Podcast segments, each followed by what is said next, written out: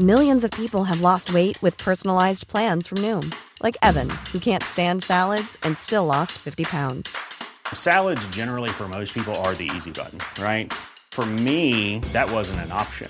I never really was a salad guy. That's just not who I am. But Noom worked for me. Get your personalized plan today at Noom.com. Real Noom user compensated to provide their story. In four weeks, the typical Noom user can expect to lose one to two pounds per week. Individual results may vary. When you're ready to pop the question, the last thing you want to do is second guess the ring. At Bluenile.com, you can design a one of a kind ring with the ease and convenience of shopping online. Choose your diamond and setting. When you find the one, you'll get it delivered right to your door. Go to Bluenile.com and use promo code LISTEN to get $50 off your purchase of $500 or more. That's code LISTEN at Bluenile.com for $50 off your purchase.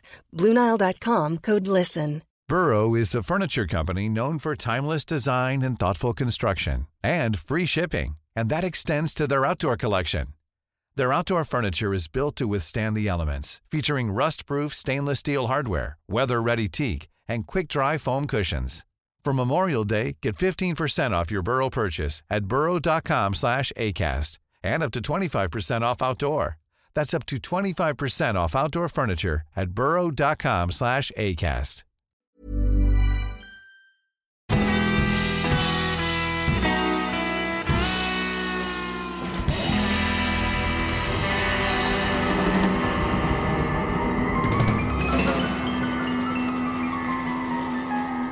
Hej allihopa och välkomna tillbaka till ett nytt avsnitt av Ståpäls. Det är en podcast som drivs av mig Ida och Lukas. Hello! Hallå! How's it going? Jo, det går... eh, Ja, nej det är bra med mig. eh, Tycker jag. Ehm, lite trött som vanligt.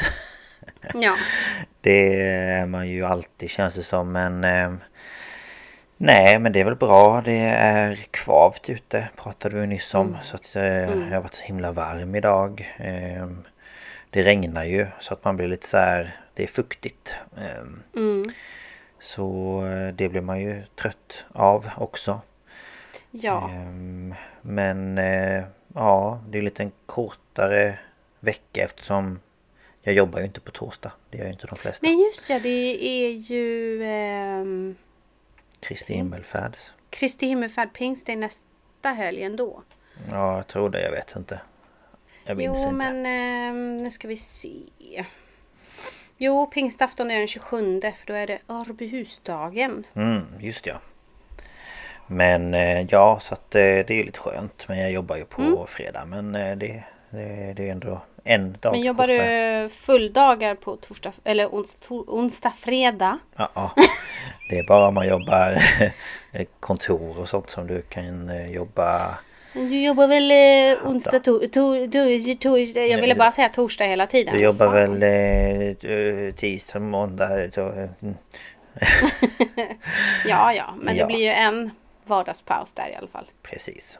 Så det är väl ganska skönt måste jag säga. Mm. Ehm, och eh, ja, nej. Det är bra. Själv då? Jo, men eh, just nu är det ju bra. Jag sa ju till dig att jag är väldigt mätt. Ja. För det gör lite mycket mat och så vill man inte kasta. Så. nej, man får inte kasta. Nej. Och sen, eh, ja men jag vaknade med migrän i morse. Jag satt ganska mycket framför datorn igår så jag får nog skylla, skylla mig själv. Mm. Så sitter man ju som en Hösäck. kråka höll jag på att säga. Ja. Eh, så att eh, det vart nog lite spänningar och så. Men jag tog eh, medicin och vilade och sen for jag iväg på min sista dag på arbetsträningen jag har haft här. Mm, just ja. Det var idag det ja. Ja, Mm. så eh, nu ska jag inte vara med kyrkan och mer. Nej. Utan nu ska vi avvakta och se vad min arbetskonsulent hittar på. Hon Mm. hade några. Bläckfiskarmar ute höll jag på att säga. Ja. Ehm, så vi väntar på att få höra tillbaka från ett eh, PR-företag som har flera olika grenar i Uppsala. Mhm. Mm. Och sen eh, Riksarkivet i Uppsala. Mm. Och sen eh, hade hon kommit på eh, medborgarservice på Tierps kommun. Ah. Där Ja. man får då ja, men, hjälpa till och svara på mail och Ja, ja, ja. Ja, Ja, alltså de, de tänkte att jag kanske inte behöver, eftersom jag har telefonfobi Mm. eller telefonskräck som många säger. Så behöver jag inte svara i telefon, jag behöver inte stå i, i receptionen utan att jag kan vara lite bakom. Mm. I alla Ja. fall i början och se, sen prova om det känns bättre. Ja, men det är väl bra. Det låter väl som en bra Eh, idé. Men, eh, och vi träffades ju i fredags. Mm. Så hon har väl inte hunnit så mycket mer. Nej. Ehm, förstår. Så då får vi avvakta lite. Jag ska ha telefonkontakt med min eh, handledare på, ja, imorgon. Och sen ska vi ses nästa fredag. Och på måndag har jag sånt här eh, avslutande möte hos kyrkan då. Där de ja, men, får säga vad om jag har skött tyckt. mig. Nej men hur allting har känts och, Ja. och liksom så. Mm. Får vi se bra. om eh, kyrkoherden kommer ihåg. Men det tror jag. Ja, just ja. Han som är lite vimsig. Mm, han går ju i pension om en månad. Den 11 juni är det Ja, avtackningsgudstjänst. Ja. Det är väl bra kan jag tänka mig att han ändå går Ja. i pension. Ja, han är ju lika gammal som min pappa. Ja. Eh, det vi ska få bra. en... Eh, ja, vi får ju en ny kyrkoherde från eh, Västernorrland. Mm. Som heter Lukas. Jaha. Det är jag. Och är väl-. Nej men precis. Lukas med K. Mhm, med K. Och han är... Ja, eller hur. Eh, nej men han är... Eh, ja men sådär, jag har hört runt 35. Mhm. Ja, då är det typ Eh, som mig. Ja, men precis. Och eh, våra nya kommunister, eller ja, präst, han är ju ett år äldre än dig. Mm. Så att Ja. eh, det föryngras i... Ja, det är lite i yngre förmågor. Ja, det kan väl vara trevligt. Inte de där Han gamla såg rävarna. jättegullig ut. Alltså han Mm. var med i den här eh, församlingstidningen. Ja, så jag fick bläddra i den idag. Mm. Alltså han påminner om våran kompis Sam lite grann. Jaha, ja, ja, ja. Eh, Så jag fick sådana vibbar. Mm. De har lite lika utseende fast han har mörkare skägg och så än vad Sam har. Men Okej. då får du en känsla för att Mm. han, han verkar vara supergullig. Ja, det var trevligt. Så det, Det är det är roligt. Mm. Nej. Jag tyckte det var lite roligt att han hette Lukas. Ja.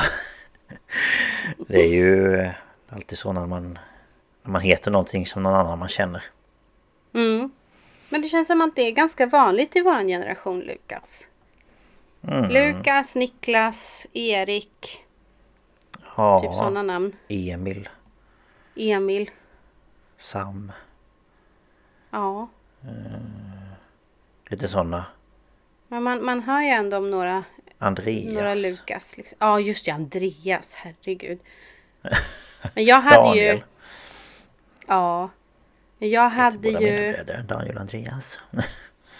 Ja just det. Mm. Jag hade ju två Erik. Två Niklas. Två Andreas. Mm. I en klass alltså. Andrea. Ja. Också hade jag två stycken. Usch jag tycker inte om det namnet. Förlåt om Simon. ni heter Andrea. Ja Simon. Mm. Ja, lite sådana namn som, eh, som var när vi var unga. Sen var det ju typ Linda, Lina, Sara, Emma. Emma, Emily. Två Emma hade jag och ett tag hade vi två Sara. Och Ida. Jag hade en Ida när jag gick i skolan. Jag träffar inte supermånga som heter det faktiskt. Nej, det är inte jag heller. Men ibland typ, så ehm, hände det. Ja, men en optiker jag hade hette Ida. Min brorsa var tillsammans med en Ida när jag var liten. Mm. Ja, jag har en granne som heter det i och för sig. Ja, du ser. Ja men det är intressant. Eh, Ja, och det, verkligen. men jag tycker att det är roligt att det kommer. Alltså jag vet inte, i mina ögon är ju en präst en gammal, ofta Man, gammal man. tyvärr. Men, men så finns ju också, alltså vi har ju haft kvinnliga präster här. Men Ja, för mig det- när jag tänker präst då tänker jag en äldre man. Ja, och nu får vi två killar som är liksom, ja men i min ålder ish. Mm. Eller som mina, mina syskon, min storebror är ju fem år äldre än mig. Mm. Att de är liksom där och det blir lite så här. Nej men, Det känns så Kan ni vara- konstigt. Verkligen, men de är alltså, Men, ehm, jag tänker präster börjar ju, alltså alla präster har ju De börjat börjar ju unga. någon gång. Ja, det är det jag menar. Så att eh, det är inte så konstigt. Ungdomarna egentligen. blir nog väldigt glada. De känner Ja. nog att de kan komma lite närmare. Det tror jag med. Man kan relatera till varandra på ett annat sätt. Ja. Ja, men det blir väl bra. Får vi väl se var du hamnar härnäst. Ja, vi får se Mm. om det dyker upp någonting. Annars så blir det ju lite föreläsningar eller möten och sen Alltså Mm. jag är ju inte super super sugen på det där växthuset. Nej, just ja. Nej. Alltså det är ju ingenting som jag Det är tycker ingenting är som- kul. Nej, men det är ingenting som du har någon utbildning kring. Nej men det här är ju mera en sån här mellanlandningsgrej de Jo, har. jag vet, men ändå. Men sen är det det där att jaha då ska jag vara i en grupp med andra som också är så här äh, rehab. Mm. Nej, men jag vet inte, det blir lite jobbigt på något vis. Ja, jag förstår det. Och sen blir det jobbigt när det är någonting jag kanske inte... Det låter lite taskigt men jag tycker ju inte att det är kul. Och då kan min ångest bara, nej men du tycker ändå inte det här är kul. Så då kör vi lite, får du lite panik här. Mm. När Ja, du ska iväg och göra någonting du tycker är jobbigt. ja nej, men det är ju så. Så. Verkligen. ja, nej, men vi får hoppas på att det blir något jag, annat. jag hoppas ju på på någonting där jag kan få använda min utbildning lite. Alltså, Såklart. men annars bara någonting som kanske utmanar eh, hjärnan lite mer. För nu har det ju varit mycket, vad säger man, IQ, EQ? Ja, Det här har ju varit mer EQ, så här känslointelligens. Jag har fått mm. socialisera Snacka, mycket. Men det har inte varit så mycket att hjärnan har fått jobba med liksom Nej. uppgifter. Det ju, har ju mer varit att du ska vara liksom social och du ska prata med Mm. folk och du ska liksom vara trevlig och Komma Eh. iväg. ja, men du behöver ju någonting som liksom får dig att komma igång rent eh, liksom eh, tankemässigt och Ja. liksom. Någonting som känns lite mer som jobb. Mm. det här har ju varit mera gå iväg och ha lite trevligt och gå hem igen. Och det har varit jobbigt vissa dagar. Det ska man ju inte. Mm. Ja, nej såklart. Men det, så känner ju alla. Man är inte social jämt. Eh, nej, det är man ju inte. Vissa dagar vill man gärna vara hemma en stund och bara ligga i sängen och glöm, glömma världen runt omkring. Mm, mm. Men så är det ju. Men ja, Ja. sen eh, på något helt annat så var det ju Eurovision-finalen i helgen. Mm. Mm. Och vi... Ja, alltså man var ju lite nervös men det kändes som att det här tar vi. Och det gjorde vi. Eh, Mm. Ja. Sen är jag lite less på, jag har varit inne och läst massa kommentarer och grejer och... Ja, jag ska inte starta någonting men jag blir nej, lite men, eh, irriterad. Jag, jag vill bara säga två saker. Mm. En så såg jag någon hade skrivit till Australiens bidrag. Mm. Och de hade skrivit Åh, vi hade jättegärna röstat på er men vi måste strategirösta på Finland för annars så vinner Sverige. Mm. Och man bara, men då röstar ja, ni ju inte på den ni tycker om. Nej, precis. Och sen är jag otroligt besviken på finska kommentatorn. Ja. Som sitter och säger åt tittarna Finska hela veckan. tittare att inte rösta på Sverige. Ja. Och man Alltså- bara... Och alla är så här, det är Jag fattar- riggat. Hur mycket har Jag eh, fattar Sverige att det är betalat? surt. Ja, men jag fattar att det är surt att juryn ger oss mycket röster jämt. Mm. Eh, Men det är ju och för jag att kan vi ju... kan. kan. Ja men vi gör ju bra musik här i Sverige. Men sen alltså jag, jag förstår ju för det egentligen ska det ju vara det är ju tittarnas tävling egentligen. Ja, ja, ja. Och jag kan ju känna att juryn kanske inte ska ha 50% av röst Nej. liksom, tyngden. De kanske skulle ha 25. Mm. Men ändå att det finns någon jury som liksom ser Mm. på ett annat sätt än vad tittarna gör. Men jag kan ju hålla med om att juryn skulle inte ha 50% utan kanske, ja men 25 då, säg. Mm. Eh, så. Ja, men. Men nu är det ju som det är. Och istället för att... Ja. Och sen så skriver de ju hat direkt mot henne. Ja, ja, ja. De hatar ju Loreen. Det är ju inte Sverige utan det är ju Loreen och det är inte som... Eurovision utan det är Loreen. Ja. Det är hon som gör fel. Och man hon bara... har ställt upp två gånger och hon har vunnit en gång innan och bla bla bla bla bla bla bla bla bla. Och man Mm. bara ja men det är ju fler som har gjort det, ställt upp flera gånger. Mm. Och även om vi skickade henne så var det ju så roligt för att alla höll ju på innan vi hade bestämt vilken vi skulle skicka. Bara, Åh, skicka Loreen för hon är så bra. Och sen när man väl skickar henne så är det fel att vi skickade henne för vi skulle inte gjort Mm. det för att det är orättvist. Och man bara men hallå nu får ni väl ändå ge er. Och varför, Eh. varför fick vi så höga odds då? Ja vi hade ju för fast en 53% chans att ta hem hela skiten. Ja. Och för det första så Carrie eller vad man säger Han hade typ 23 miljoner lyssningar Loreen har typ 58 miljoner lyssningar på sin låt Mm.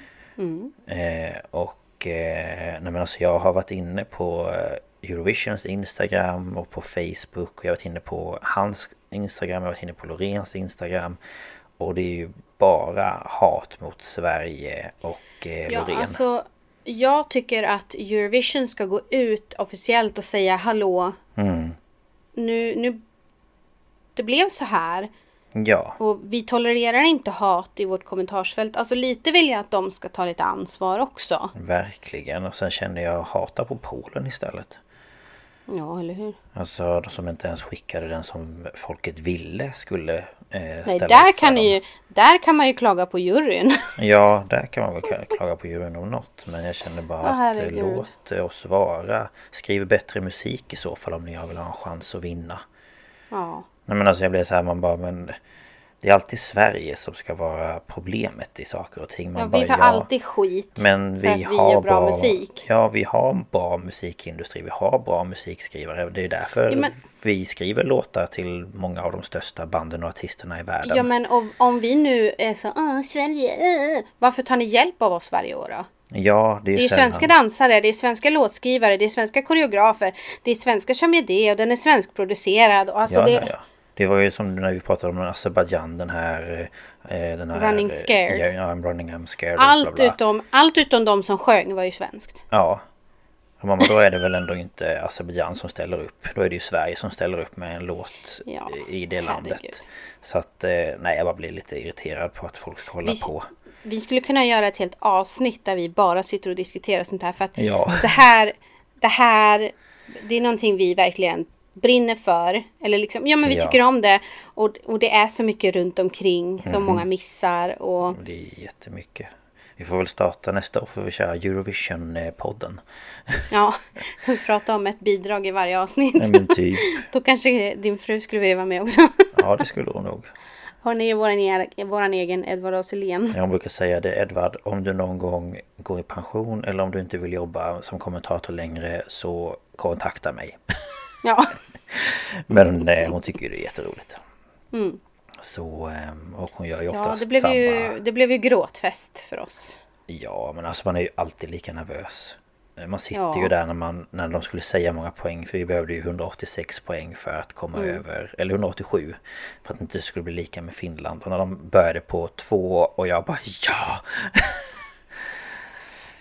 Ja, så jag hörde ju inte exakt hur många poäng hon Nej, inte fick. jag Jag, hörde bara 200 Ja, och då tappade jag det. man bara ja!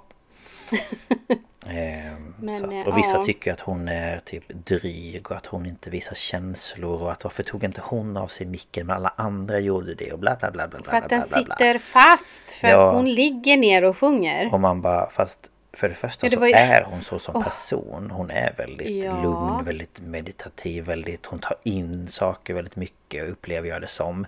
Medan Ja. andra är liksom helt galna. Så att hennes känslor, hon Ja, kan fortfarande bli jätteglad men hon kanske inte Den, visar det den genom kommentaren. att skrika. Och hon visste, det här var ju uppgjort. Hon visste att hon skulle vinna för hon tog inte ens av sig micken. Ja, jag vet. Man bara, men den kanske sitter fast i håret. Ja, men vet hur den sitter fast för eftersom hon ligger ner och eh, sjunger. Så, nej jag vet inte. Ja herregud, nu har vi Ja. babblat jättelänge. Nu har vi babblat i typ 20 minuter om eh, allt annat Ja. som vi inte ska babbla om. Vi får, ni får, vi eh, blir inte ledsna om ni har hoppat över allting. Nej, verkligen inte. Men, Men, eh, eh, vi kanske ska hoppa in i det vi ska ju, göra. Ja, du har ju förvarnat om att det blir ganska långt. Ja, det blir ganska långt. Eh, Så- Och eh, som jag sa förra veckan så blir det ju något form av eh, terrordåd. Ja, Ehm, och ja, ni har ju sett i titeln redan. Men eh, jag tänker att vi eh, hoppar väl in i det. ja. Yes. Mm. Ja, jag ska ju då som sagt prata om moskéattacken i Christchurch. Och jag tänkte jag drar mina källor. Eh, Jag har lyssnat på två poddar. Eh, Den första är Red-Handed. Om, ja, eh, Christchurch. Alltså, ja. om saken som jag ska prata om. Mm. och sen har jag lyssnat på P3 Nyheter Dokumentär. Sen har jag varit inne på en hemsida som heter Christ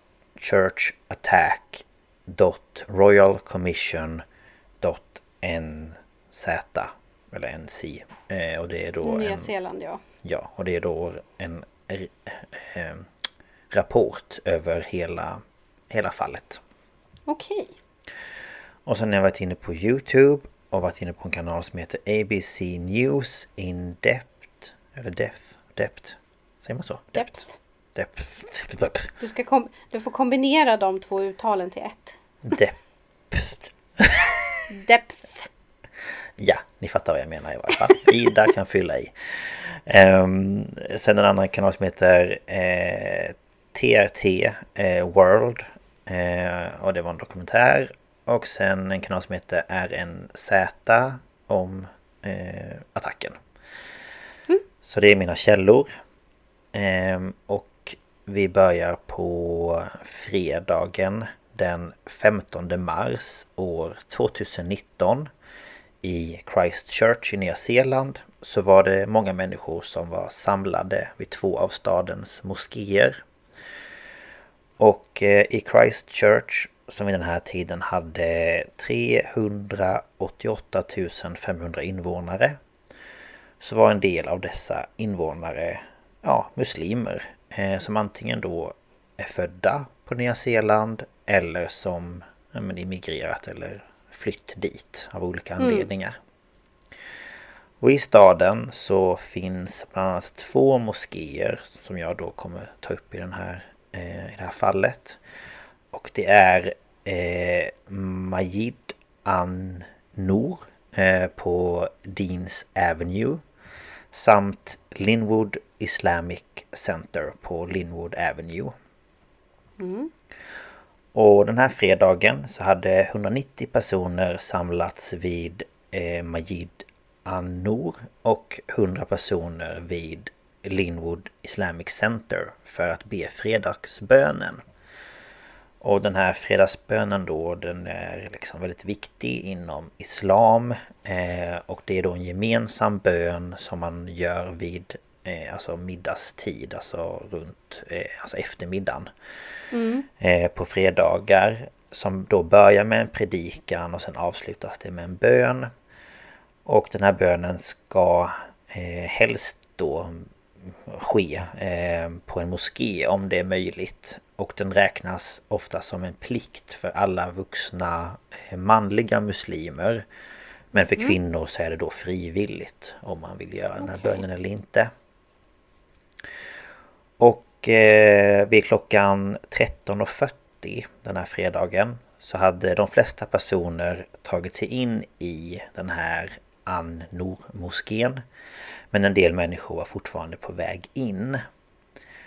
Och utanför moskén så ska helt plötsligt en man ha börjat, eh, alltså som då var på väg mot moskén, börjat skjuta med ett hagelgevär mot de personer som fortfarande gick in mot ingången. Varav fyra mm. personer då träffades.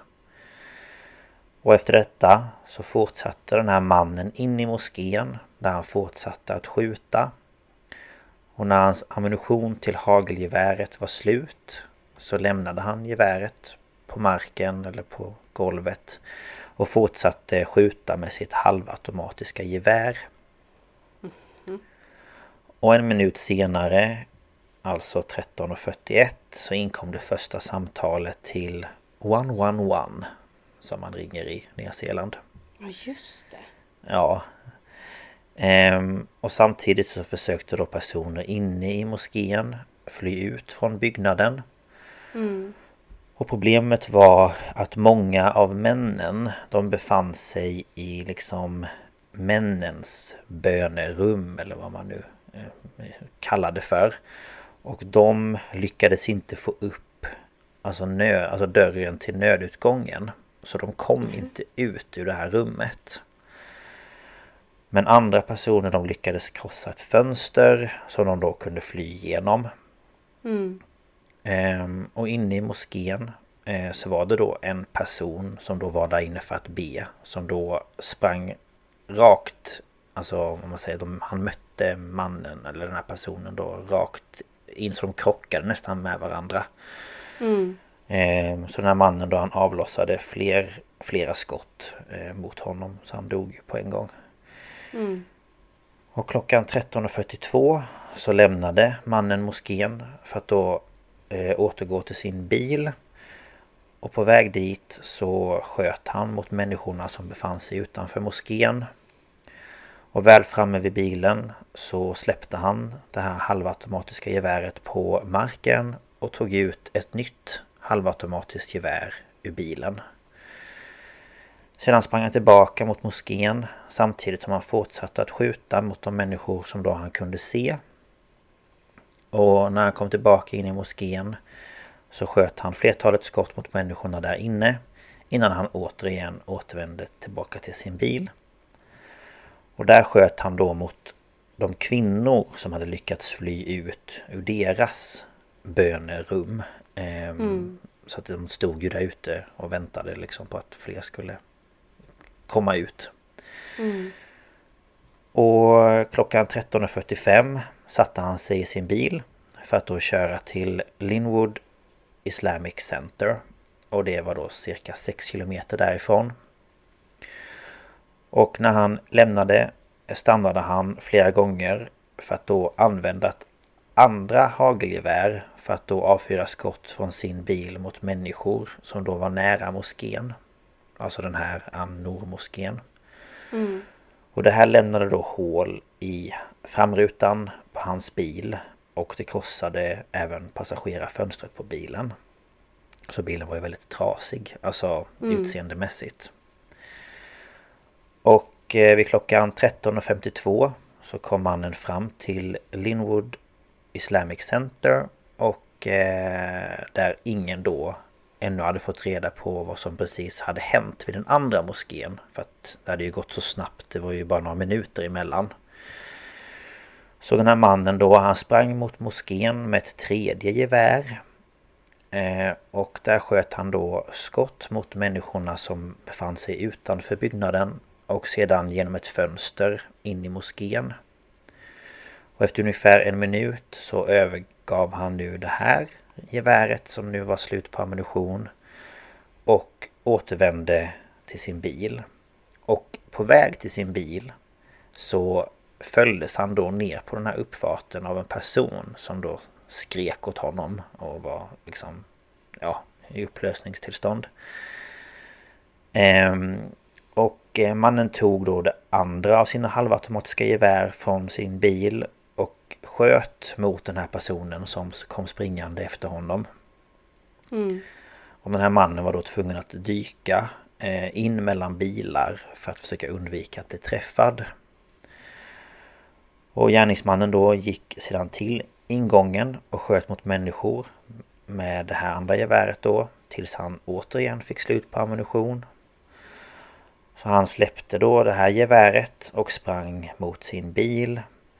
Och när han gjorde detta så hade den här personen som sprang efter honom fått tag på en typ ja, men, en elektronisk så här, betalningsenhet. Du vet en sån här typ eh, som man har i affären som man blippar kort och En sånt. kortläsare. Ja, en sån tog han och eh, kastade eh, på eh, gärningsmannen.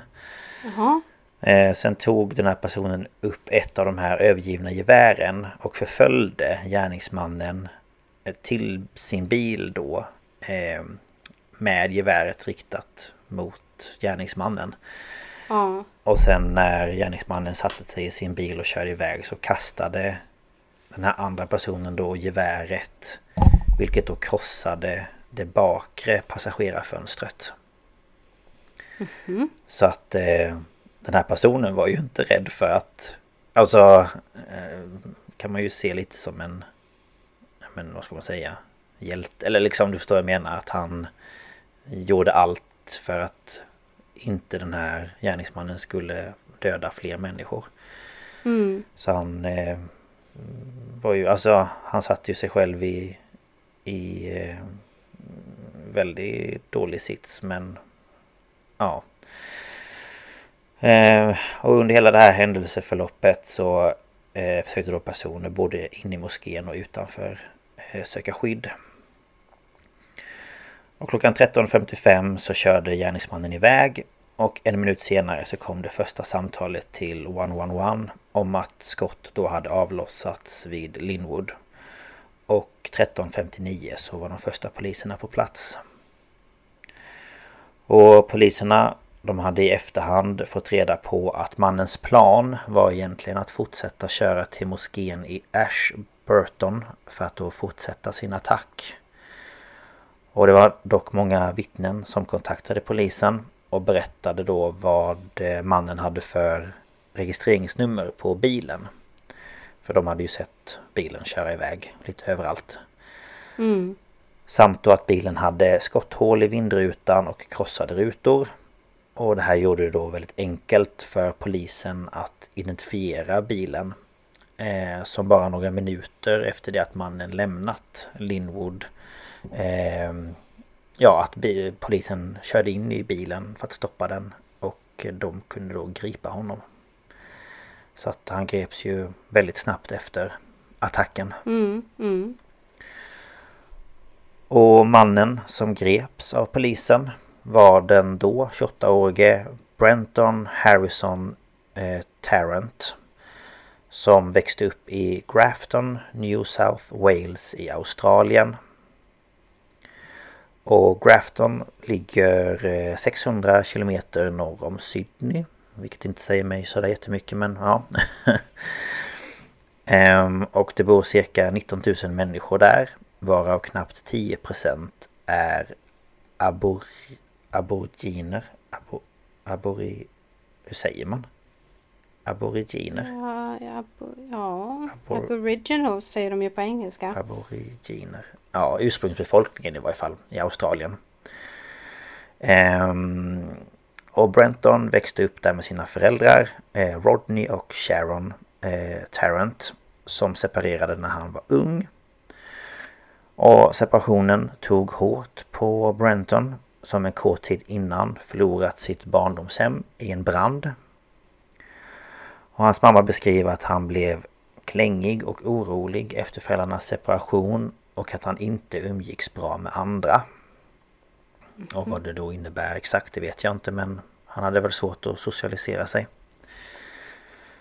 Eh, och efter föräldrarnas separation bodde han tillsammans med sin mamma som snart träffade en ny man.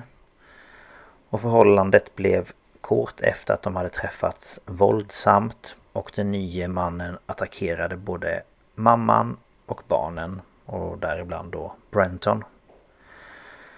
Och för att skydda Brenton så utfärdades en order mot mannen då av polisen som då gick ut på att han inte fick skada barnen. Och mamma lämnade mannen och hon och barnen fick bo hos Brentons morfar.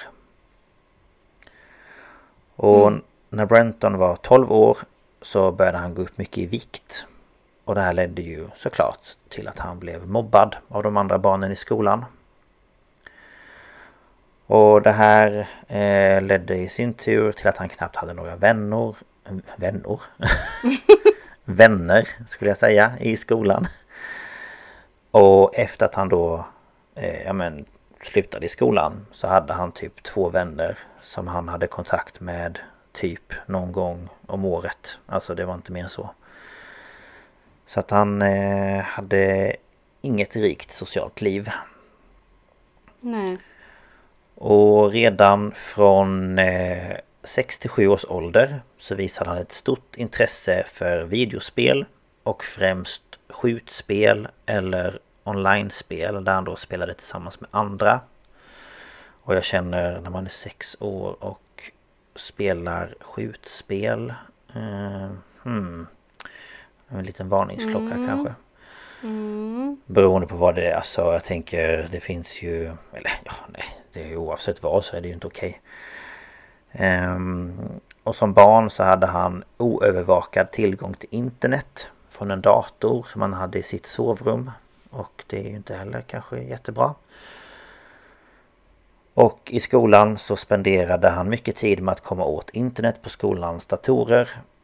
Och när han var 14 år gammal så började han använda eh, 4chan. Eh, vilket då ja, skapades för att motsvara Japans 2chan. Som användes mm. för att diskutera anime, alltså på nätet. Och på då 4chan eh, så har då användaren möjlighet att vara anonym. Och inläggen som man gör på den här sidan sker via så kallade image boards. Där man då postar en bild med typ en text. Och sen under den här bilden och texten så kan andra då skriva och diskutera innehållet. Eh, så det är lite som typ Reddit. Alltså det finns ju olika underforum i Reddit och sådär. Och från början så användes det som sagt till att diskutera anime men det kom snabbt att bli en sida där personer kunde uttrycka sina politiska åsikter och ja, vapen och allt möjligt. Mm. Så det eh, använde han eh, hela tiden i princip. Mm. Eh, som 14-åring. Så att det... Mm, inte heller jättebra. Och redan i tidig ålder så började Brenton uttrycka sig rasistiskt och han tog ofta upp att hans mammas partner var eh, abori, aborigin. Eh, vilket han då inte tyckte var okej. Okay. Och vid två tillfällen så hade han samtal med en av sina lärare på eh, high schoolet då, eller high school ja, som han gick på. Och den här läraren var kontaktansvarig för antirasism och främst antisemitism. Och ehm, det är tydligen så att i, i Australien och enligt då New South Wales Department of Education Anti-Racism, säger man så? Racism? Mm. Policy så måste alla skolor ha en utbildad kontaktansvarig mot rasism och genomföra strategier som då leder till snabba svar både direkt och indirekt. Alltså mot då både direkt och indirekt rasism. Så den här läraren då beskrev Brenton som väldigt oengagerad i klassen och som väldigt arrogant. Alltså att han var typ så här tyst arrogant. Som att man typ ja men himla med ögonen och alltså så. Men också att han var väldigt påläst och kunnig. Eh, särskilt om vissa ämnen som andra världskriget. Vilket han var väldigt intresserad av. Och när Brenton var i 16 till 17 års åldern så diagnostiserades hans pappa med en form av lungcancer efter att ha blivit exponerad för asbest. Mm. Och efter diagnosen så blev hans pappa deprimerad och Brenton och hans syster de började ja men såklart även de må väldigt dåligt på grund av den här grejen då med pappan och sådär. Och istället för att liksom vad ska man säga isolera sig så så började Brenton tvångsträna på gym. Och han följde en väldigt strikt diet. Och det här gjorde då att han gick ner 52 kilo. Eh, ja, eh, så han var... Alltså han... Eh, började väl ta hand om sig själv mer liksom så. Han var väl trött på att... Eh, ja men att eh, vara kraftig och att folk har retat honom för det hela livet och sådär. Mm. Och när eh, Brentons pappa då började må sämre eh, på grund av då sin eh, cancer så behövde han till slut palliativ vård. Och år 2010 så dog pappan då efter att ha begått självmord i sitt hem. Ehm, och det var då enligt Brenton han som då sedan hittade sin pappa när han då var död. Mm. Och innan sin död så ska Brentons pappa gett honom och hans syster 80 000 australiensiska dollar. Eh, som typ någon något arv alltså så här. Typ att han visste väl att han skulle dö så att han, de fick det i förtid. Okej. Okay. Och efter hans död så fick de ytterligare pengar som då kom från en skadereglering till följd då av den här exponeringen för asbest som pappan då hade varit drabbad av som då hade orsakat mm. hans cancer. Så summan som eh, både då Brenton och hans syster fick var eh, 457 000 australiensiska dollar vardera. Vilket Oj. i svenska kronor är ungefär 3,2 miljoner kronor. Och jag trodde du menade att de delade på det. Tjena. Nej, de fick det var. Oj, oj, oj, oj. Så eh, mycket pengar. Ja. Eh, ja, och efter att hans pappa då gått bort så fortsatte Brenton att spela videospel online med en grupp människor. Och under de här men, speltillfällena eh, så ja, men man chattar ju online när man spelar. Mm, liksom. Mm. Och där så ska Brenton eh, öppet uttryckt sig både rasistiskt och eh, högerextremt. Alltså sådana åsikter. Ja. Um, och förutom att spela och spendera tid på internet så fortsatte även Brenton sitt intresse för att hålla sig i form. Uh, och träna och sådär. Så han gick med i Big River Gym i Grafton i slutet Oj, av sitt... Nu råkade jag, jag råkade smocka till min mikrofon, ursäkta Jaha. mig. Jag skulle fixa med mitt garn och så bara bangade jag till den. Jaså. Ja, ja, han eh, gick med till gym eller vad sa du? Ja, i slutet av sitt sista gymnasieår. Mm. Mm. Och eh, runt mitten av 2009 så kvalificerade han sig som personlig tränare. Och eh, arbetade på gymmet. Han tog gruppklasser och personliga träningspass. Oj, men han var ju ändå driftig ja. eller vad ska man säga? Ja, driftig får man väl säga att han var. Eh, han, alltså, gjorde ju... han verkar ju inte Han verkar ju inte vara dum i huvudet om du förstår vad jag menar. Nej. nej, nej verkligen inte. Alltså inte intelligensmässigt då? Nej, nej precis. Ja. Eh, nej, intelligensmässigt ja. så var han ju inte det men att han eh, kunde mycket. Mm. Om det han intresserade sig för. Ja men såklart. Ja. Och ägaren då och operatören av det här gymmet beskrev honom som en bra personlig tränare. Och under den här tiden så tränade även Brenton eh, i två till tre timmar varje dag.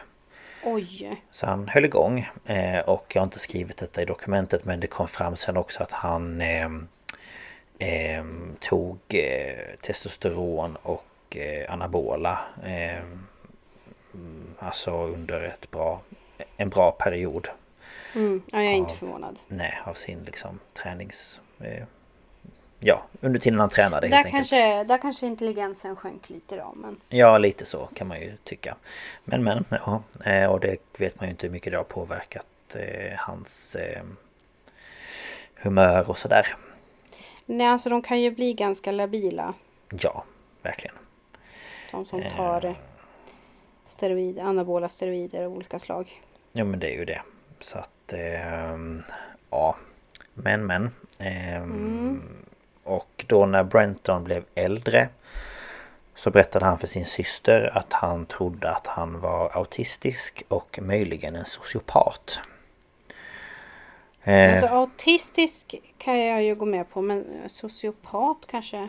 Jag vet inte. Nej jag vet inte. För han sa att han inte brydde sig om människor. Inklusive sin egen familj. Men han visste att han borde.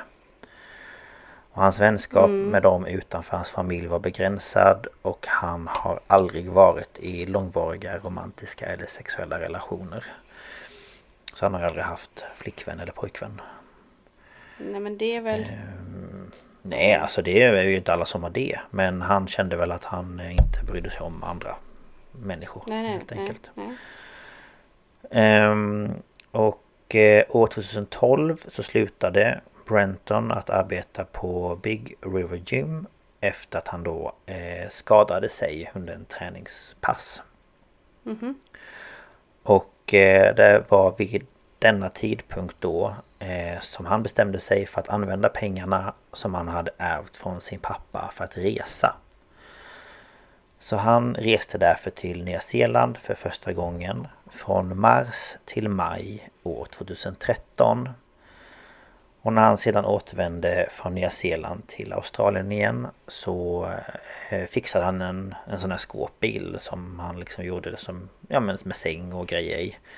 Mm. Eh, så han åkte runt i Australien i cirka nio månader mellan maj till februari 2014. Ehm, och eh, mellan den 15 april 2014 och den 17 augusti 2017 så reste Brenton mycket och han reste alltid ensam. Ehm, det var bara ett undantag då han reste till Nordkorea och då var det som liksom att han var en del av en typ turnégrupp. Men annars var det alltid ensam. Vilket också kan vara lite, alltså jag tänker jag jag triv, alltså om jag tänker när jag reser, jag vill ju resa med någon för jag vill uppleva det med någon annan. Alltså lite mm. så. Men mm. det ville inte han. Nej. Och under sina resor så hade han tät kontakt med sin mamma och syster via Skype och Messenger. Och även under sina resor så publicerade han högerextrema och hotfulla kommentarer på Facebook. Mm. Och Brenton berättade för sin mamma och hans syster och hans systers partner att när han var i Afrika så hade han blivit rånad. Och alla såg att det här då ökade Alltså intensiteten i hans syn på Alltså andra människor som inte var vita som han. Mm. Um, och uh, jag tänker innan vi fortsätter så tar vi en kort liten paus. Ja. Yes. A lot can happen in three years, like a chatbot may be your new best friend. But what won't change? Needing health insurance. United Healthcare Tri Term Medical Plans, underwritten by Golden Rule Insurance Company, offer flexible, budget friendly coverage that lasts nearly three years in some states. Learn more at uh1.com. When you're ready to pop the question, the last thing you want to do is second guess the ring. At Bluenile.com, you can design a one of a kind ring with the ease and convenience of shopping online. Choose your diamond and setting. When you find the one, you'll get it delivered right to your door. Go to Bluenile.com and use promo code LISTEN to get $50 off your purchase of $500 or more. That's code LISTEN at Bluenile.com for $50 off your purchase. Bluenile.com code LISTEN. Ja, nu är vi tillbaka efter lite paus. Mm. ja, eh, och eh, enligt då Brentons manifest för ett sådant gör han ju såklart. Så var dock beslutet att engagera sig i terrorism ett svar på några av de händelser som inträffade år 2017. Och det var främst då terrorattackerna som skedde runt omkring i Europa. Men det var framförallt den i Stockholm. Eh, och eh, det var då eh, att 11-åriga Ebba Åkerlund dog. Eh, mm. Vilket han... Och det tycker ju jag också är fruktansvärt. Men eh, det var liksom... Det för honom var droppen. Lite så. Mm. Och hennes namn eh, skrev Brenton på ett av de vapen som han sen använde vid terrorattacken. Som han då utförde. Så hennes namn stod liksom i vit stil på det. ett av vapen. Det här har ja. jag någon känsla av att jag kommer ihåg. Mm. Kan vara så att du har hört det någonstans ifrån. Och jag för mig hennes mamma gick ut och bara eh, Vi vill inte Stödjer ha någonting med det där detta. att göra. Nej, verkligen.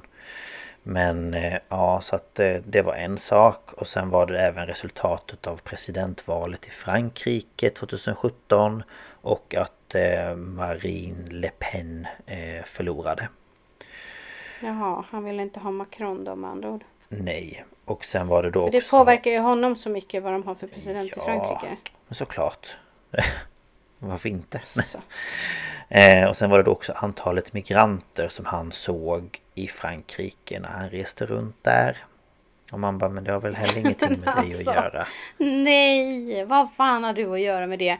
Och de kan ju inte, de behöver inte ens vara migranter. Du vet, Frankrike är ett väldigt mångkulturellt land. Eh, ja, verkligen. Så att, ja, jag vet inte. Men han såg också att hans, eller han ansåg att hans terrorattack var en veder, gällning för islamistiska extremistiska terroristhändelser i Europa. Men du bor inte ens här. Nej men... Jag låter som er gamla granne. Varför bryr du dig? Du bor inte ens här. Nej, precis. Ja, men också att det följde hans eh, erkännande av extremhögerns oförmåga att få ett demokratiskt mandat för att ta itu med invandringen. Nej men lägg av! Ja, och att det påverkades av nostalgi för ett förflutet före invandringen. Nej, lägg av! Ja, så det var det, var det han tänkte att det här eh, Det här är det som gör att jag har rätt att göra det här mot muslimer. Ja, ja. Mm. Men utredarna i fallet de tror dock att hans liksom mobilisering till våld inträffade tidigare än de händelser som han då har hänvisat till i sitt manifest. Mm. Och hans mamma anser att ju mer han reste desto mer rasistisk blev han. Och jag tycker det borde vara tvärtom annars för att man ser då andra kulturer och... Ja men precis men eh, nej inte för hans del. Eh, mm. Och hans syster eh, har också berättat att när han återvände till Australien en månad i juni 2016 så var han typ helt förändrad. Och det enda han pratade om regelbundet det var politik, religion, kultur, historia och tidigare krig. Och särskilt då eh, det krig och sånt som han hade lärt sig om under sina resor. Och han reste ju bland annat till typ ja, men Han reste till Ukraina och han reste till Polen och Ryssland och Afrika och Frankrike och eh, alla mm. möjliga länder.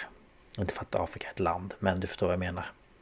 Nej men ja. ja. Han reste till olika länder i Afrika antar jag. Ja precis.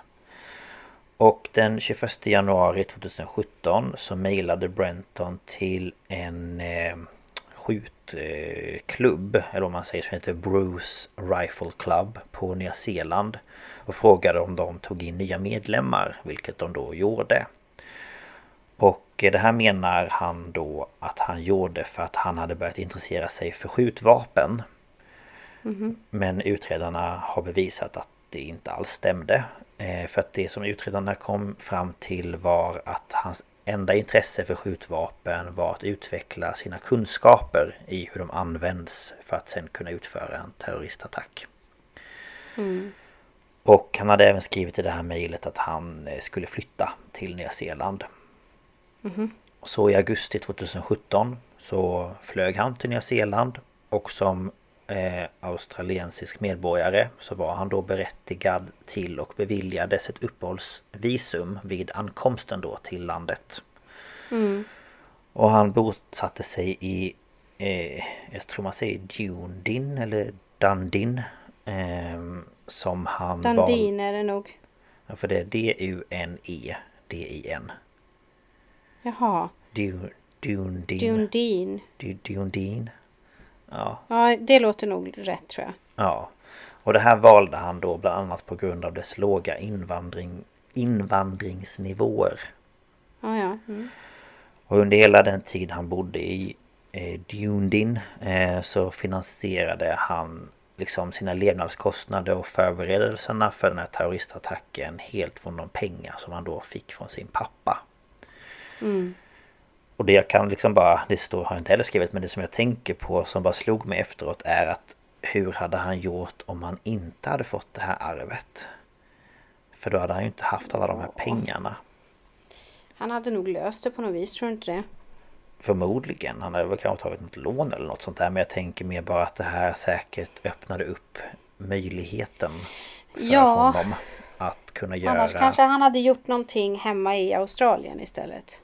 Ja men precis. Eh, så kan det ju såklart också vara och det är ju fruktansvärt det med. Men mm. just att han flyttade och att han köpte ja, allt för att kunna göra detta och sådär.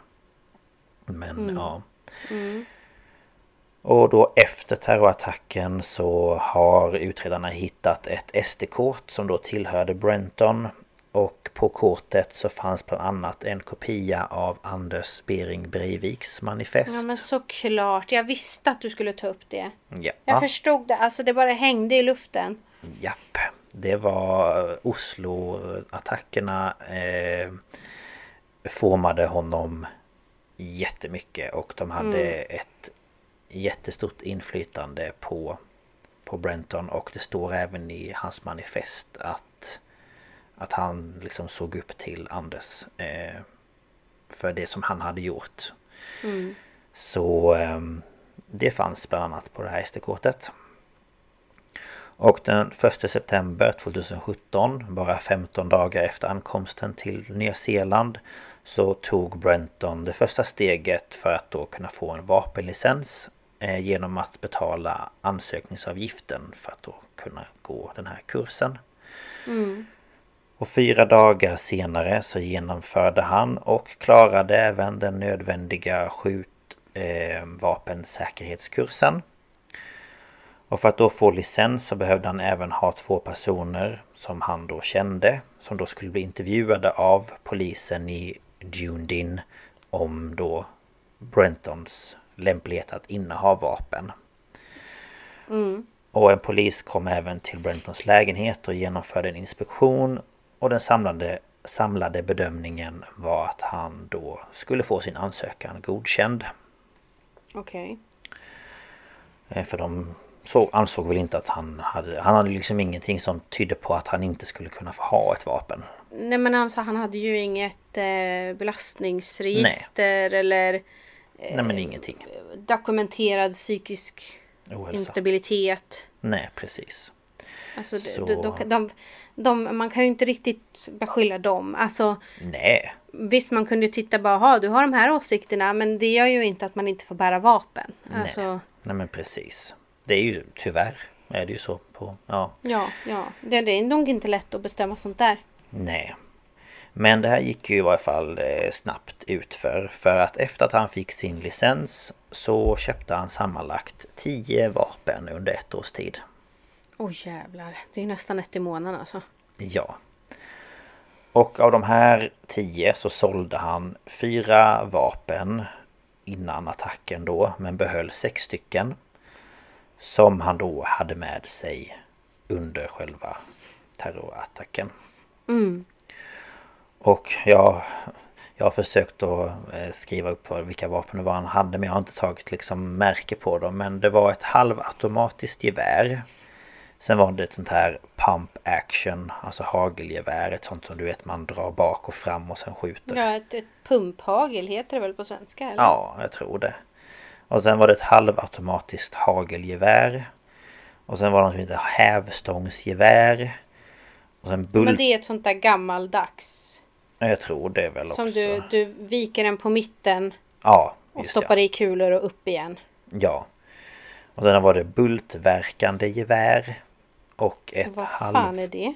Jag vet inte riktigt. Och ett halvautomatiskt attackgevär. Ehm. Ja men det är ju sådana som eh, man har diskuterat mycket i USA nu. Ja, men som du hör så är det ju bara gevär. Det är ju inte en enda pistol eller något sånt där utan Nej, allting är ju bara gevär. Jag trodde du skulle räkna upp liksom. Ah, han hade en Magnum, tre stycken 9 mm. Ja, nej, nej, det är bara, bara gevär. Ja, mm. Och samtliga vapen eh, modifierade han på olika sätt genom att då köpa till klart. vapendelar för att göra det bättre. Och det kunde ju vara sikte eller mm, ja, allt mellan himmel och jord för att det skulle liksom vara snabbare att skjuta. ökad eller... stabilitet ja, och... Allt sånt köpte han. Mm. Och förutom detta så köpte han massor med ammunition. Eh, bland annat 2000, alltså kulor eller rundor. Eh, 0,22 mm. kaliber. Eh, samt 11 andra online-köp av ammunition mellan den 5 december 2017 till den 12 juli 2018. Vad sa du? 11? El, alltså 11 andra online-köp. Varje... Alltså 11 e- separata köp? Ja, med ammunition. Shit, ja. Ehm, sen hade han även gjort fyra brandanordningar som han hade i bilen under attacken. Och anordningarna bestod av fyra stycken 10 liters behållare som var fyllda med bensin. Och sen eh, runt eh, alltså själva behållaren då så var det tändare och burkar med pistololjespray. Som då satt fast runt hela alltet då så det såg liksom ut som en Ja En väldigt eh, jag vet inte, antändlig eh, grej. Mm, mm. Och de här hade han då tänkt att använda för att sätta eld på de här två moskéerna. Men han hade i slutändan så gjorde han inte det. Men de fanns också Nej. i bilen.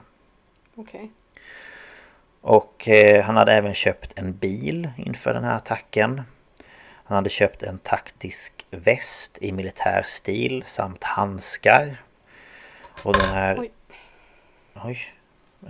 Tappade min, jag tappade min sax. Det går Jaha. jättebra för mig nu. Jag sitter ju Ja. och virkar när Lukas pratar med mig. Ja, du gör ju det. Eh, om om eh, tittarna, eller tittarna, lyssnarna undrar. För att Ja. jag tar in information mycket bättre då. Ja. Och Du får sitta där och virka. Ingenting. jag, först så slog jag till mikrofonen för jag bråkade med mitt garn och nu tappade jag min, min sax i bordet. Ja. ja, det är inte lätt. Ja. Men den här Nej. västen i varje fall. Den gjorde det då möjligt för honom att bära på och snabbt byta magasin till vapnen då. Mm. Sen köpte han två stycken skottsäkra västar. Eh, samt då kroppsskydd som då var insatta i de här två skottsäkra västarna. Eh, västarna. Eh, och det var troligen då bestående av två skottsäkra keram... Ker, men wow! Keramiska plattor och två plastskivor. Sen köpte han en GoPro-kamera, en bajonettkniv och en hjälm. Och eh, så det är ju en del grejer som han har liksom fixat inför den här attacken. Ja, alltså det går ju inte att ta miste på att det här har ju han verkligen tänkt ut. Planerat ja. Och det finns ju Så. även listor. Jag har inte tagit med det men när man läser den här rapporten så har de ju listor och sånt som han har på sin eh, på sin mobil och på SD-kortet och sådär. och Över alla saker som man behöver fixa innan och att han... Ja, allt man skulle förbereda. Mm. Och den 8 januari 2019 så körde Brenton till Christchurch via Ashburton och där genomförde han en övervakning av då den här eh, Majid An-Noor eh, moskén på Deans Avenue. Och det han gjorde då det var att han flög en drönare över byggnaden och spelade då in en, alltså en vy, en flyg, en, ja en flygande vy över då moskéområdet och byggnaderna som fanns där. Ehm, sen flög han den här drönaren tillbaka över moskén med fokus då på in och utgångsdörrarna och sådär. Och sen så flög han den in genom gränden där han sen parkerade sin bil den 15 mars 2019. Och han ska även samma dag eh, kört förbi eh, den andra moskén då vid Linwood för att då spana in stället. Eh, ja, för att förbereda sig och se hur området såg ut. Mm. Och bevisen då på Brentons förberedelser för den här attacken kommer från en mängd olika källor och det är då inklusive vad han har berättat och hans intervju med polisen den 15 mars. Och sen var det en hel del e-postmeddelanden som han då hade skickat till sig själv. Och det var mobil, alltså data på var han hade varit. Eh, sen var det information från SD-kortet på hans drönare samt en extern hårddisk. Och både den här drönaren och den här hårddisken skickade han till sin mamma innan attacken. Så hon hade det hemma hos sig. Och eh, både SD-kortet i drönaren och den externa hårddisken innehöll filer då relaterade till hans planering och förberedelserna. Okej. Ehm, Vet man varför han skickade det till sin mamma? Alltså... Jag tror det var för att det fanns information på, på dem som han inte ville att polisen skulle hitta. Men det var ju även dumt att han skickade dem dit för han ja, skulle ju lika gärna kunna förstöra han det. kunde... Ja, varför inte bara förstöra dem? Ja, jag vet faktiskt inte. Det är jättekonstigt. Jag hade ju... Men vi kanske inte ska... Jag hade ju precis som att jag skulle planera sånt här. Men om jag hade varit smart nog så hade jag ju tagit sönder det. Jag vet inte fan om jag ens hade planerat det elektroniskt. Nej, Alltså- Papper, penna. papper penna som går att bränna upp till ingenting. Typ. Liksom. Alltså, Men du vet, hjärnceller. Ja, Hjärnan ska ju funka också.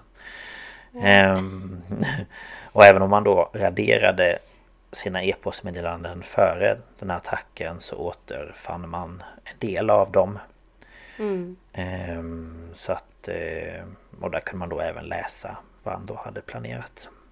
mm, Och då kommer vi då fram till den 15 mars 2019 Som jag nämnde i början av avsnittet också Men eh, då lämnade i varje fall Brenton sitt hem i Dunedin eh, och körde till Christchurch Och där var han framme klockan ett på dagen och i bilen som han då köpte inför attacken så hade han sex vapen, ammunition och den här brandanordningen.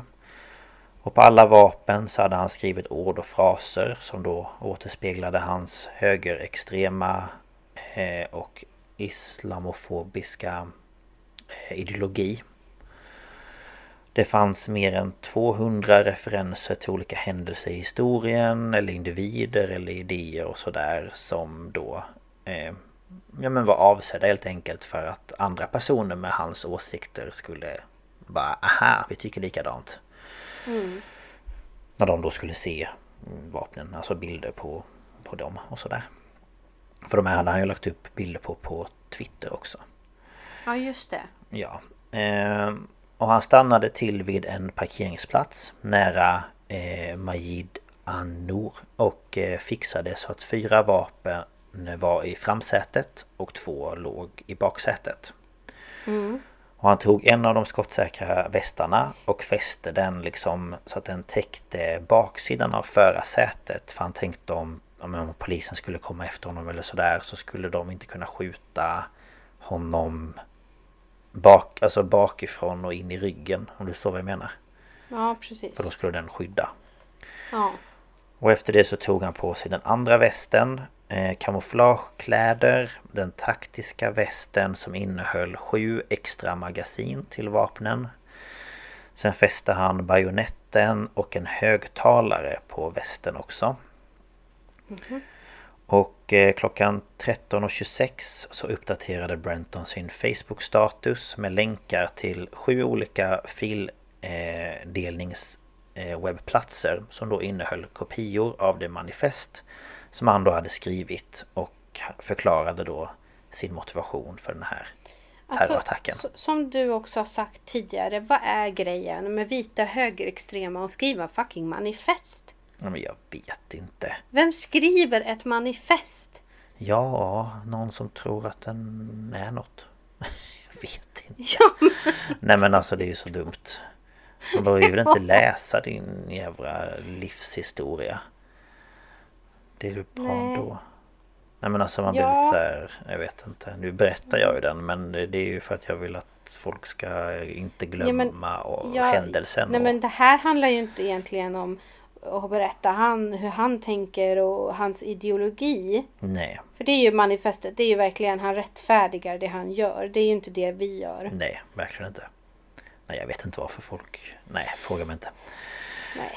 Ehm, ja, och sen i varje fall två minuter senare så postade han ett anonymt meddelande till ett diskussionsforum online eh, på eh, 8chan, alltså inte 4chan och inte 2chan utan 8chan. och syftet med meddelandet var då att rikta eh, läsarna till hans Facebook-sida. Där han då skulle få hjälp av ett online-community för att då kunna sprida nyheten om den här terrorattacken snabbt. Och även då eh, manifestet och videon som han senare då skulle livestreama från sin GoPro-kamera. Så hela attacken i princip livesändes på Facebook. Och klockan eh, 13.31 och 13.32 så skickade han några sista meddelanden till sin mamma och sin syster via Messenger.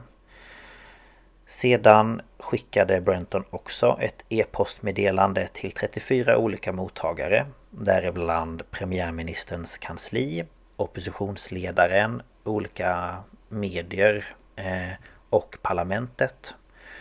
Och e-postmeddelandet innehöll följande meddelande. När det gäller attacken i Nya Zeeland idag var jag den partisan. Och om ni kommer ihåg så tog jag upp det i mitt förra avsnitt om, eh, om eh, Operation Barbarossa. För det är ju då en person som genomför, genomför gerillakrigsföring och olika typer av sabotage som då bekämpar mm. en fiende. Eh, ja, att det var då den som gick, begick angreppet. Och jag har bifogat mina skrifter för att förklara mina handlingar och övertygelser samt tillhandahållit länkar till webbsidor för att ladda ner dokumentet nedan. Det var det han skickade till alla de här personerna. De blev säkert jättetacksamma. Ja, de bara åh men gud vad snällt. Um, Ska jag läsa innan jag går och lägger mig ikväll? Ja, det blir bra så här godnatt. Eh, vad heter det? Innan man sover. Mm. För att bli lugn och ro. Sådär. Så. Som att någon skulle vilja läsa hans jävla dravel. Ja, nej, jag vet inte. Men de, sen samtidigt så var de nog tvungna. Alltså, ja. Jo, jo, alltså jag, jag fattar ju men jag fattar inte varför han bara Åh, här kanske du vill läsa.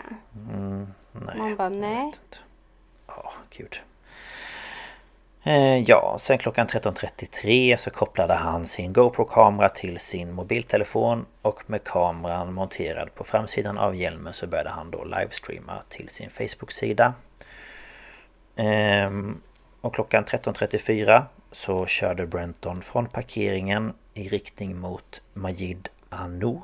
Och klockan 13.36 så stannade han på sidan av Deans Avenue och tog av sig hjälmen. Och där vände han då GoPron direkt mot ansiktet och eh, ja, men riktade sig till sin ja, online-publik då och förklarade mm. väl vad han skulle göra. Sen satte han tillbaka hjälmen på huvudet och där var den då sen under hela attacken. Men vet man hur många det var som såg det här? Ehm, jag kommer till det. Okej, okay, ja. ja. Eller jag vet inte exakt siffra men jag kommer till information om det. Mm.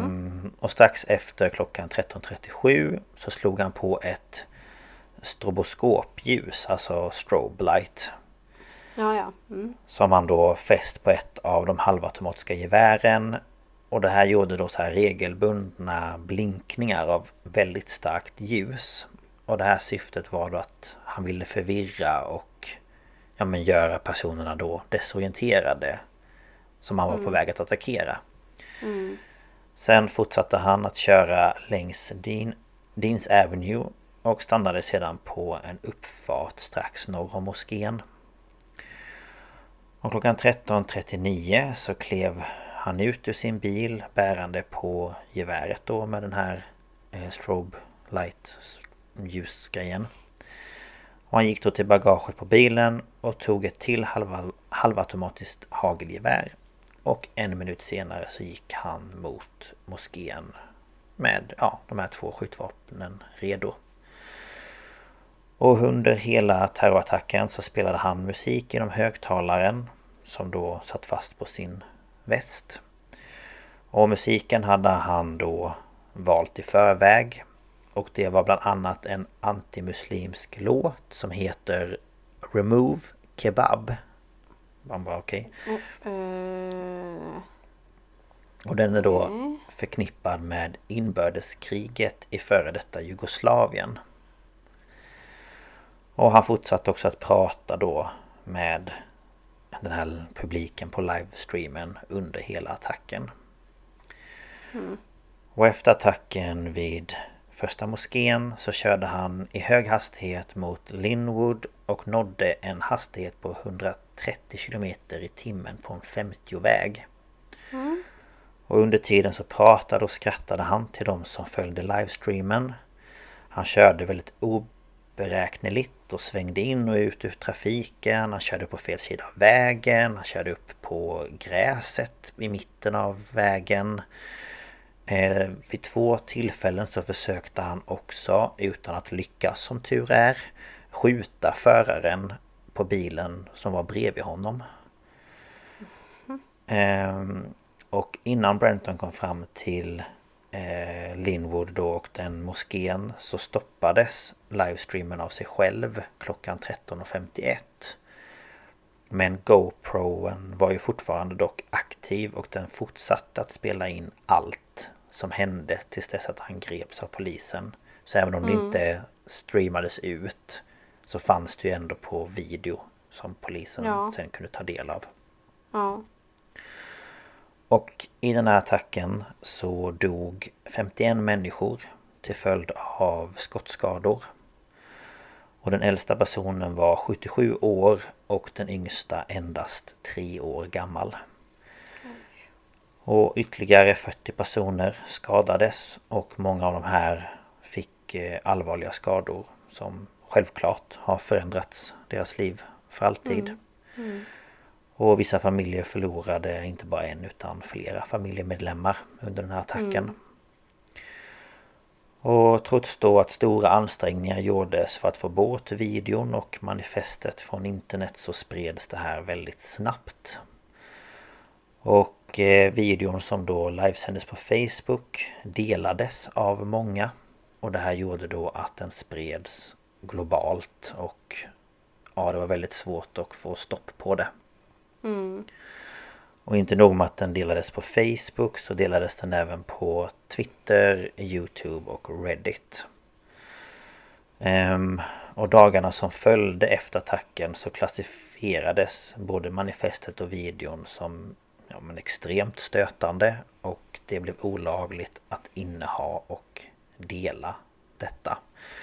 Men jag vet inte exakt hur många som såg det men det var ju även så att att det här kom ju upp på Facebook överallt så även de som var på sjukhuset som hade klarat sig från attacken ofrivilligt såg videon på mm. Facebook.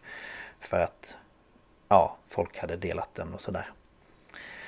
Ehm, och den 26 mars 2020 så erkände sig Brenton skyldig till 51 åtalspunkter för mord och 40 åtalspunkter för mordförsök och en åtalspunkt för deltagande i en terroristhandling.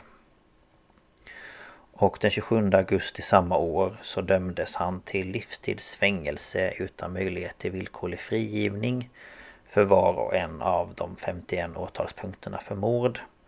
Mm. Och utöver det så dömdes han till ytterligare 12 års fängelse för var och en av de 40 åtalspunkterna för mordförsök. Och han dömdes också till livstidsfängelse för att ha deltagit i en terroristhandling.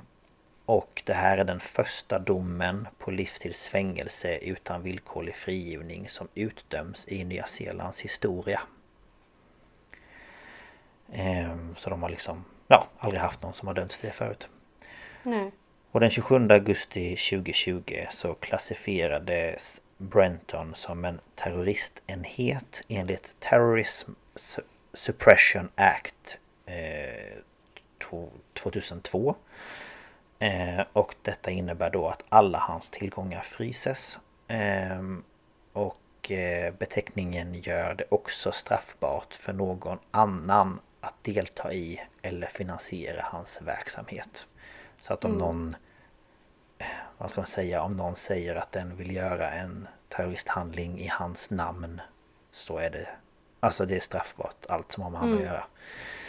Ehm, och eh, ja, det var det jag hade. Ja, det mm. var ju en eh, historia så att säga. ja. Alltså. Verkligen. Eh. Jag har ju svaga minnesbilder. Mm. Av det här. Ja. Ja, jag kommer ju eh. ihåg också en del. Det är ju ändå inte så länge sedan. Nej. Men det rapporteras ju inte lika mycket som annat i, i medierna så. Eftersom inte det är vår, vad ska säga, vår del av världen. Men du förstår vad jag menar. Ja men det är ju inte det. Alltså, vi får väl höra saker i, från Australien och Nya Zeeland väldigt i förbifarten. Mm. Eh, men, men det var liksom just den här kopplingen med Ebba där också som mm. jag kommer ihåg. Ja, men det var ju just det här med eh, han var ju så arg på um, Akilov för att han hade dödat en ett vitt, alltså en, ett vitt barn. Eller du mm. vad jag menar? Mm. Eh, och att eh, det liksom absolut inte var okej. Okay. Och sen att han liksom avgudade Anders Bering Breivik för att han hade ju gjort det som han ville göra. Mm. Alltså att döda folk med annan ja, mm. etnisk bakgrund mm. än hans egna. Um, så det var ju stora och det är ju fortfarande, han nämnde ju även eh, Vad heter han nu? Eh, Pettersson eh, I Trollhättan Theodor? Nej. Nej. Nej, han var ju det är Theodor Engström. Nej men vad hette han? du vet vem jag menar, han som gick in med svärd. Ja men han som var utklädd till Darth Vader. Mm, precis. Mm, ja, jag hoppas ni vet vem jag menar. Han nämnde han också i sitt manifest och... Eh, Jaha, ja. Det gör ju ofta det. Anders... Nej. And, skitsamma. Nej, men jag, jag googlar. Så du googlar, vad bra. Ja, eh, ja nej, så att det var ju eh, mycket sånt och just det att han... Men jag tycker också det är konstigt för jag menar när jag var liten det här med alltså tillgäng till datorer och internet och grejer. Man hade ju tur om man fick sitta typ en kvart om dagen på internet. Mm. Um, så det var ju Han ingen... hette Anton Lundin Pettersson. Ja, just ja. Tack, så var det. um, men just det här med internet, att jag menar att om du som förälder inte bryr dig om vad ditt barn gör på nätet. Den kan ju göra precis vad som helst. Du har ingen mm. aning. Ja och inte bara det här att de kan bli åt det här hållet utan de kan ju få se saker som ja, men det egentligen ingen människa borde se. Nej precis. Det ju, finns ju allt möjligt på nätet som ett barn inte ska se. Och just det här med att han eh, intresserade sig för skjutspel och sånt som Jag menar jag har ju barn som är fem år på mitt jobb och de kan ju tycka att det är häftigt. Men mm. att man ändå liksom så här jag får väl ändå, nu vet jag inte men hoppas att de inte får spela skjutspel. Men alltså du förstår vad jag menar att det är ju mm. att barn tycker att det är coolt. Mm. Men att sitta mycket och länge och spela bara det när man är så liten. Det mm. kanske kan bli lite fel om alltså man har de här åsikterna. De, ja men det kanske blir också det att de tappar respekten för vapen lite. Jag vet inte. Ja, jag vet inte. Men jag det... tror ju att det måste ju ha varit i någonting i honom från början som gjorde att han hade det där intresset. Ja, det är det jag tänker. Alltså det är det jag menar. Att jag menar ju inte så att bara för att du spelar skjutspel så blir du en... Eh, alltså jag utför du sådana här terroristhandlingar. Utan jag menar Nej, att men det precis, känns som att utan det var det liksom var... redan då som gjorde att ja, han... Eh, han fick någon fascination. Ja, både Redan då. socialt och han hade inga kompisar, han var mobbad. Han tyckte väl att livet var orättvist, världen var orättvis. Mm. Han tyckte inte alltså, han, om... Alltså, ja. Någon hade behövt fånga upp honom liksom. Definitivt. Och liksom, ja men se honom. Eller vad ska man säga? Jo men jag tänker, ja alltså bara att få någon som bryr sig om en kan ju förändra mm. allt. Mm. Eh, och det är ju fruktansvärt för de här oskyldiga människorna som fick dra alltså som drabbades av av hans mm. eh, idioti. Ja, ja det är fruktansvärt. Sådana här grejer är oacceptabla. Ja, så är det ju bara. händer ju fortfarande än idag. Och de kommer oh, ja. hända framöver också. Ja, så det... Sådana här religiösa strider och, och sånt där. Det är ju... Mm. Och det man kan ju as bara... old as man it's himself liksom. Eller herself. Jo men precis. Alltså, jag tänker bara på alla skolor. Så länge vi har haft, ja men så länge vi har haft speciellt religion och tjafsa om så har vi tjafsat om det. Mm. Det är ju så. Och den ena gruppen anser sig vara bättre än den andra och mm. närmare Gud än någon annan och... Ja. Alltså det är ju liksom den uråldriga striden. Alltså jag tror mm. aldrig att det kommer bli fred mellan olika religioner. Nej. Tyvärr. För det är ju i grund och botten en, en religiös grej. Alltså. Ja det blir ju det och sen det, så blir det ju liksom att det är vi och dem. Eh, och att det... Ja men i och med att speciellt Islam har fått en sån dålig mm. image tack vare deras rötägg. Mm. Så blir det ju att sådana här människor ser ju bara du är muslim, då är du hemsk. Och inte på Alltså- individnivå att du är en människa Nej men precis. som har dina precis. Och värderingar. det är ju så det har varit genom alla tider. Alltså hur länge slogs liksom kristna och muslimer om Jerusalem och ja, Visst är det så. Nej det är fruktansvärt. Men jag tänker bara tillgången till vapen. USA behöver vi inte ens prata om för de är jag så arga på just nu så att jag ja jo. vet inte vad jag ska ta vägen. Men Den, eh, den ranten har vi ju haft en gång. Ja, men det här med liksom skolskjutningar och att det är lätt att få tag i vapen och jag tänker att Men det, jag förstår inte varför ska man ge sig på barn? Alltså, man ska inte ge sig på någon. Nej, Men varför barn? Det är inte Ja. som att de kan förändra någonting.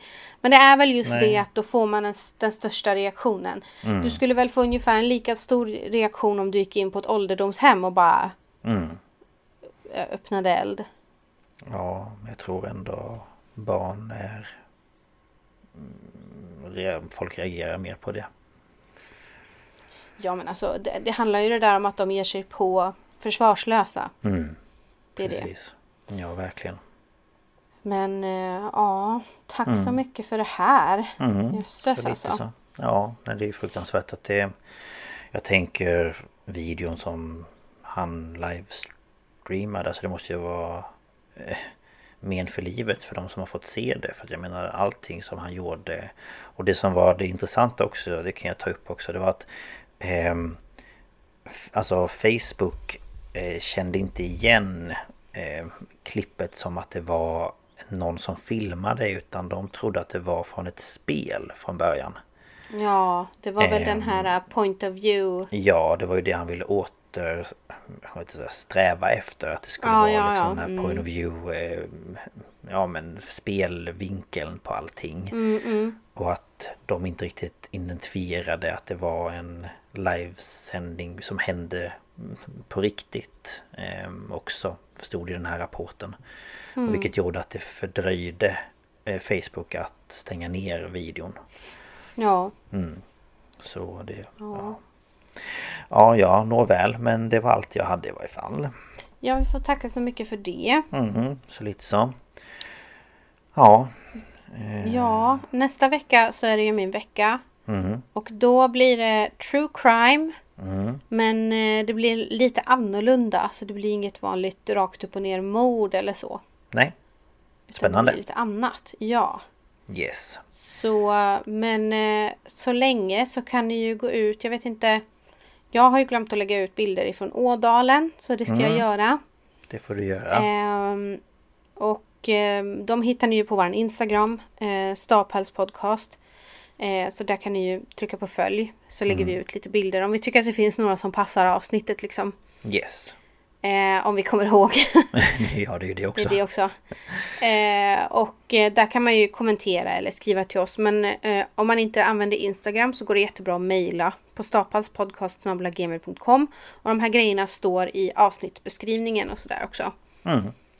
Eh, Helt rätt. eh, och så får vi se om du hittar några bilder. Bilder. Man kanske kan lägga upp på de här moskéerna till exempel. Mm. Jag hittar nog Eh. några som jag eh, tycker passar. Ja. Mm. Så Men, eh, eh, får, vi, får ni försöka lista ut vad jag menar med lite annorlunda true crime. Ja. Får vi se. Det blir, Det blir spännande. det blir en resa det också kan man säga. Ja. ja, så är det. Men ja, tack för att ni har lyssnat. Tack så mycket och eh, ja, ta hand om er, ha en bra vecka. Så Mm, hörs vi ju nästa torsdag. Ja, vi hörs. Ja, hej då! Hej då!